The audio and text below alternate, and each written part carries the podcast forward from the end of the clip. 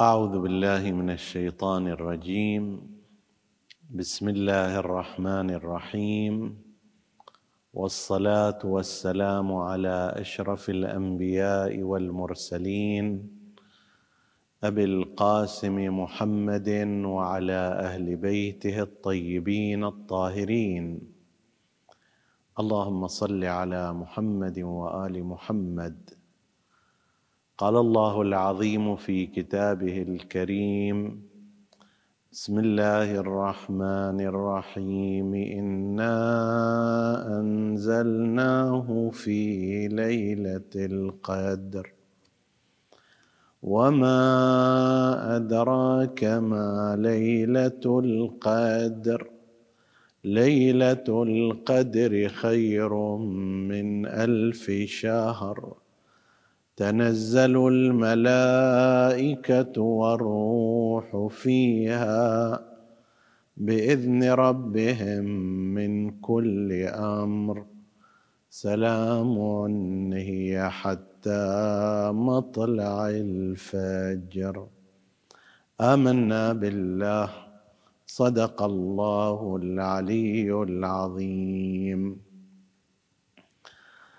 السلام عليكم أيها الإخوة المؤمنون أيتها الأخوات المؤمنات ورحمة الله وبركاته.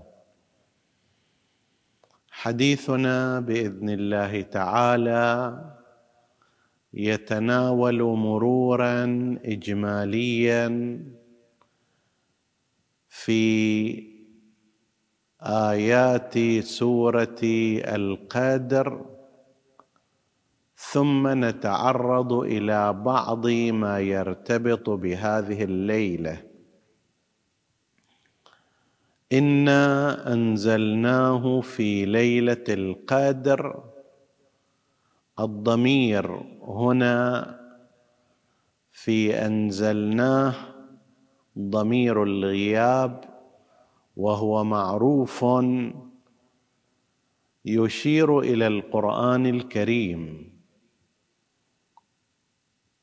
أنزلناه على رأي بعض المفسرين ولعله المشهور عند المتأخرين هو تنزيل دفعي جملة واحدة سواء كان إنزال من البيت المعمور إلى السماء السابعة أو كان من السماء السابعة إلى وعلى قلب رسول الله صلى الله عليه وآله على الأقوال المتعددة عند المفسرين. في ليلة وصفت بأنها ليلة القدر ووصفت في آيات أخر بأنها ليلة مباركة ووصفت في ثالثة بالجمع مع فكرة إنزال القرآن الكريم بأنها في شهر رمضان. شهر رمضان الذي أنزل فيه القرآن من جمع هذه الآية المباركة. مع سورة القدر أيضا تعينت أنها في شهر رمضان قرانيا فضلا عما سيأتي من السنة. إنا أنزلناه في ليلة القدر وما أدراك ما ليلة القدر. بالرغم من أننا نعتقد أن النبي المصطفى صلى الله عليه وآله هو يعلم ويعرف ليلة القدر ويعرف أيضا ثوابها وقدرها وأجرها. ولكن هنا يحتمل حمل وما أدراك على أحد نحوين. النحو الأول هو ما ذكر أن القرآن الكريم نزل جملة منه على طريقة إياك أعني واسمعي يا جارة.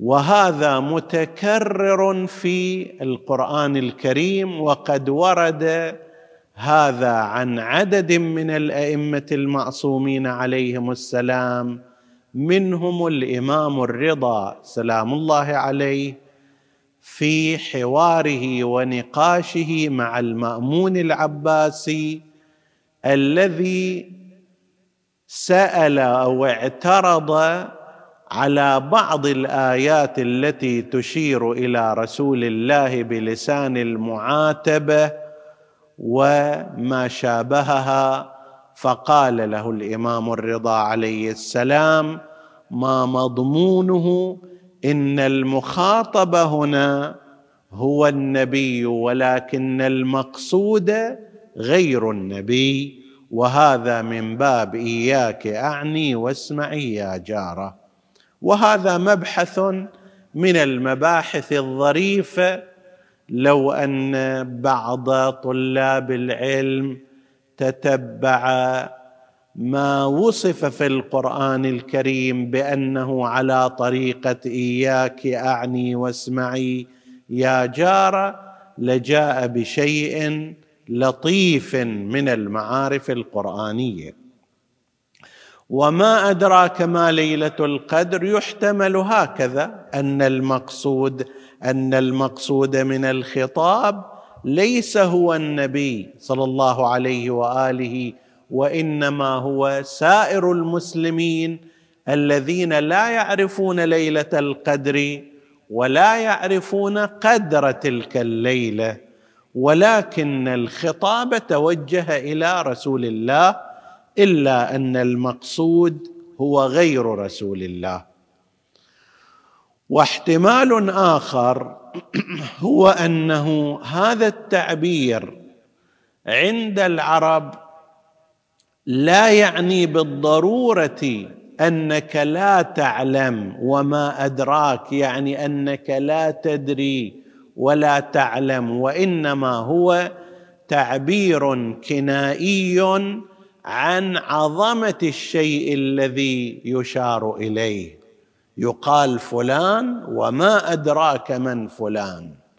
يعني شخص عظيم وكبير ليس بالضرورة أنك لا تعرفه ولا تعرف فضله وإنما هذا تعبير كنائي وفي اللغة العربية التعابير الكنائية والمجازية هي من أقوى عناصر قوة اللغة العربية.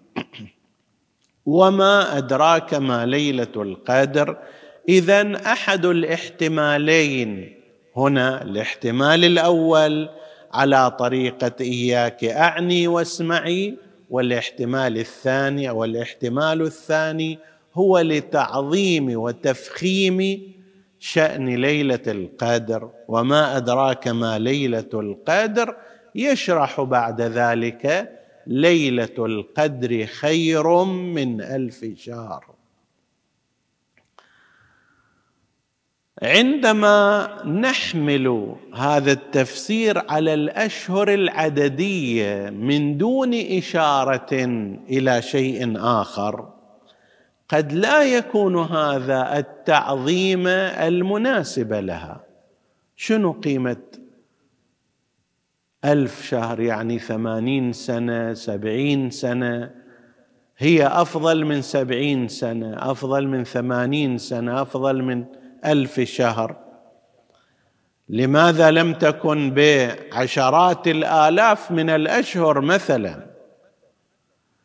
هذا يعزز ويؤكد ما ورد في تفاسير الإمامية مرويا عن أهل البيت عليهم السلام من أن في هذه المدة وتحديدها بهذا إشارة إلى ما كان من ملك بني أمية. ويعضد هذا أن النبي صلى الله عليه وآله كان حزينا وغير مسرور على أن تتولى هذه الأسرة والشجرة الملعونة زمام الأمور في الأمة وأن تأخذ حاصل ما بذله رسول الله صلى الله عليه وآله من جهود ومن جهاد ومن صبر ومن معاناة حتى أنشأ كيان الإسلام وأقام دولته وثبت مناهجه فيكون الوارث لهذا الجهد أسرة منحرفة وصفت في القرآن بالشجرة الملعونة في القرآن. لا ريب أن هذا من الأمور التي تحزن قلب رسول الله صلى الله عليه وآله فكأنما أريد تطيب قلب النبي صلى الله عليه وآله بهذا المعنى أنه ليلة واحدة أنت يا رسول الله والأئمة المعصومون من بعدك وخلفاؤك وأنتم تعرفونها وتعلمونها كما سيأتي بعد قليل. ليلة واحدة هي أعظم وأهم وأفضل من حكم دولة تمتد نحو قرن من الزمان أو ألف شهر. ليلة واحدة عندكم. فما ظنك بسائر الليالي وسائر الأيام؟ وإذا أريد المقايسة بين هذا وذاك يكون الرجحان لليلة واحدة أعطاها الله إياكم دون سواكم في مقابل عشرات الآلاف من الليالي أعطيت لبني أمية والأيام. دولة بطولها وعرضها وأموالها وأوامرها وفرامينها وولاتها وكراسي حكمها لكن كل هذا لا يساوي ليلة واحدة. أعطاكم الله وتفضل الله بها عليكم. ليلة القدر خير من ألف شهر. إشارة إلى تلك الدولة المنحرفة التي سوف تكون متسلطة على رقاب المسلمين. ليلة القدر خير من ألف شهر. ماذا يحصل فيها؟ تنزل الملائكة والروح فيها بإذن ربهم من كل أمر. في آيات أخر تنزل وهنا تتنزل وكلاهما بمعنى واحد يفيد المضارعة والاستمرار والدوام وأنها ليست ليلة واحدة في زمان رسول الله فقط ولا في زمان أمير المؤمنين فقط بل قد يمكن الاستدلال بمثل هذه الآية المباركة على بقاء ووجود وحياة الإمام المهدي المنتظر عجل الله تعالى فرجه الشريف.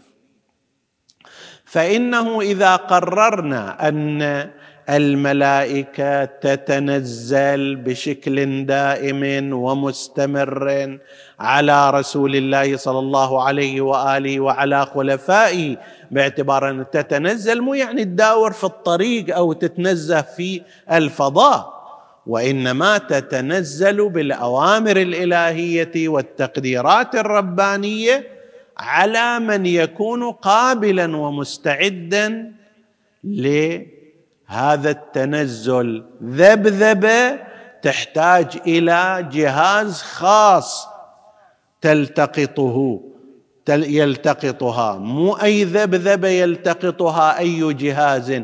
ملائكة تتنزل تتنزل على الرسول وعلى مثل الرسول. لا أنها تأتي مثلا في الطرقات وفي الحارات وفي الأسواق وإنما تتنزل على موضع الرسالة ومختلف الملائكة كما جاء في الصلوات الشعبانية. تختلف إليهم الملائكة.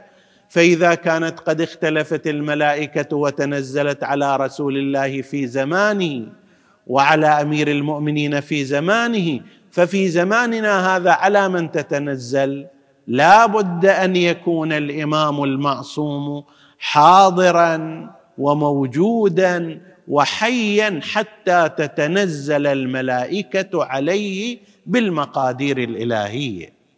تتنزل الملائكة والروح فيها الروح سواء كان جبرائيل نزل به الروح الأمين على قلبك وأفرد بالذكر تعظيما لشأنه وهذا استعمال عرفي في اللغة العربية عندما يفرد شخص من القوم بذكره مع أنه جزء منهم أو قلنا بأن الروح هو شيء آخر ملك آخر أعظم من جبرائيل كما يرى مفسرون آخرون.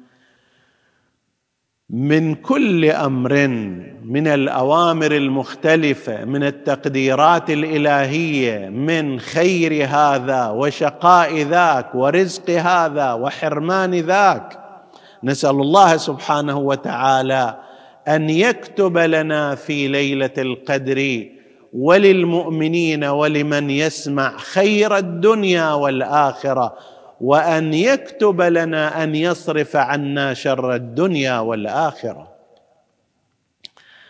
سلام هي حتى مطلع الفجر حينها تنتهي هذه الليلة بطلوع الفجر لأن هذه الكرامات وهذه العطاءات وهذه الصفات خاصة بالليل والليل ينتهي مع طلوع الفجر كما هو واضح ومعروف. ماذا يعني القدر؟ ليلة القدر. قيل في القدر أقوال. القول الأول القدر بمعنى الشأن والمنزلة والمنزلة. فيقال مثلا هذا شخص عظيم القدر يعني عظيم المنزلة عظيم الشأن. فليلة القدر سميت بهذه التسمية باعتبارها أنها ليلة ذات قدر ذات شأن ذات عظمة. فأضيفت الليلة إلى ما يطرأ عليها من العظمة ومن الشأن وهو القدر فيقال ليلة ليلة القدر. وهذا معنى جيد وفيه روايات أيضا تشير إليه أنها ذات عظمة ذات شأن ذات منزله وبالفعل فإن ليلة لو عمل الإنسان فيها اعمالا بسيطة من حيث الزمان والجهد وما شابه ذلك وأعقب ذلك نتيجة أن يقدر له طول سنته الخير أن يقدر له طول عمره الجنة. فأي زمان أعظم قدرا من هذه الليلة؟ إذا كان الأمر هكذا سيكون فيها من البركة من المنزله من الرفعة من الشأن ما تختصر فيه عمر الإنسان لكي تحكم عليه بالسعادة والفلاح أو لا سمح الله بالشقاء والعناء. فأحد معانيها القدر يعني المنزله ليلة القدر يعني ليلة ذات قدر ومنزله هذا أحد الأقوال. قول آخر أنها ليلة التقدير وهو القدر مصدر من هذا الفعل قاف ودال وراء قدرا وتقديرا قدره قدرا وقدره تقديرا.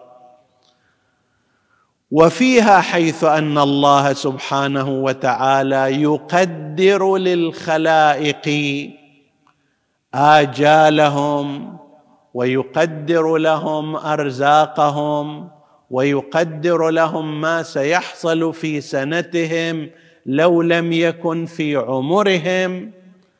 بهذه المناسبة أخذت هذا الاسم أنها ليلة التقدير الإلهي. الله يقدر للعباد فكانت ليلة القد فكانت ليلة القدر وليلة التقدير. هذا القول الثاني. والقول الثالث ذهب إليه بعضهم قال ليلة القدر يعني ليلة الضيق. وذلك لما استفاده هؤلاء من أن الملائكة تنزل من السماوات إلى الأرض حتى تضيق بهم الأرض. ولو كشف الغطاء للإنسان لرأى الملائكة مزدحمين في هذه الأرض بحيث ضاقت عن سعته عن سعتهم. مع سعة الأرض إلا أنها لكثرة المنا لكثرة نزول الملائكة تضيق والقدر يعني التضيق. من قوله تعالى ومن قدر عليه رزقه يعني ضيق وقتر. نحن نعتقد أن المعنيين المعنيين الأولين هما الأقرب والأصح وإن كان المعنى الثالث من نزول الملائكة وكثرتهم صحيحا في ذاته لكننا نعتقد أنه قد لا تكون المناسبة تامة بين هذا المعنى وبين التسمية. أصل المعنى نزول الملائكة وكثرتهم بل حتى وضيق الأرض عن الاتساع لهم هذا معنى صحيح. ولكن أنها سميت بليلة القدر لضيق هذه الأرض عن اتساعها للملائكة وأنها سميت بهذه التسمية ليلة القدر يعني ليلة الضيق. هذا نعتقد أنه أقل الأقوال جودة وأحسن الأقوال وأتمها هو القولان الأولان. أي الليالي هي؟ هذا من عالم الغيب. بنفس المقدار الذي أعطي لرسول الله ولأئمة الهدى عليهم السلام صلاحية أن يبينوا للمسلمين شرائع أحكامهم بتفاصيلها وتوجيهاتهم الأخلاقية بكمالها وعقائدهم بأدلتها في نفس الوقت حجب عن الناس عدد من الأمور من المعلومات وجعلت في عالم الغيب. وهذا إلى آثار تربوية وله آثار خارجية. من آثاره التربوية أن الذي يؤمن بالغيب يعبد الله سبحانه وتعالى على كل حال ويصون نفسه. الله سبحانه وتعالى هو غيب الغيوب. الجنة غيب والنار غيب والساعة غيب الملائكة غيب هذه كلها الإيمان بها مطلوب مع أنها أمور غيبية والإيمان بالغيب يكشف عن معنى من الإيمان أعمق من الإيمان بالشهادة والحضور. ليلة القدر هي من تلك الغيوب بالنسبة إلى الناس أخفيت هذه الليلة على الأقل أخفيت بتحديدها المباشر والدقي. قيل ما أيسر ما تطلب في ليلتين ليلة إحدى وعشرين وثلاث وعشرين وقيل أطلبوها في إحدى وعشرين وثلاث وعشرين لكن تحديدها بالضبط وبالدقة هذا لا يكون إلا اقتحاما للغيب. فجعلت هكذا مجهولة. نعم هي بالنسبة إلى من اختصهم الله بعلمه معلومة ليست كالساعة. الساعة لا يجليها لوقتها إلا هو.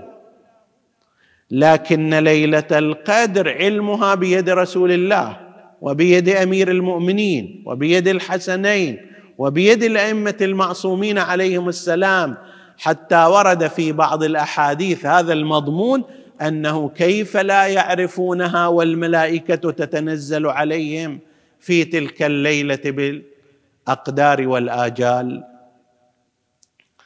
لكنها بالنسبة إلى سائر الناس مجهولة وغير معلومة.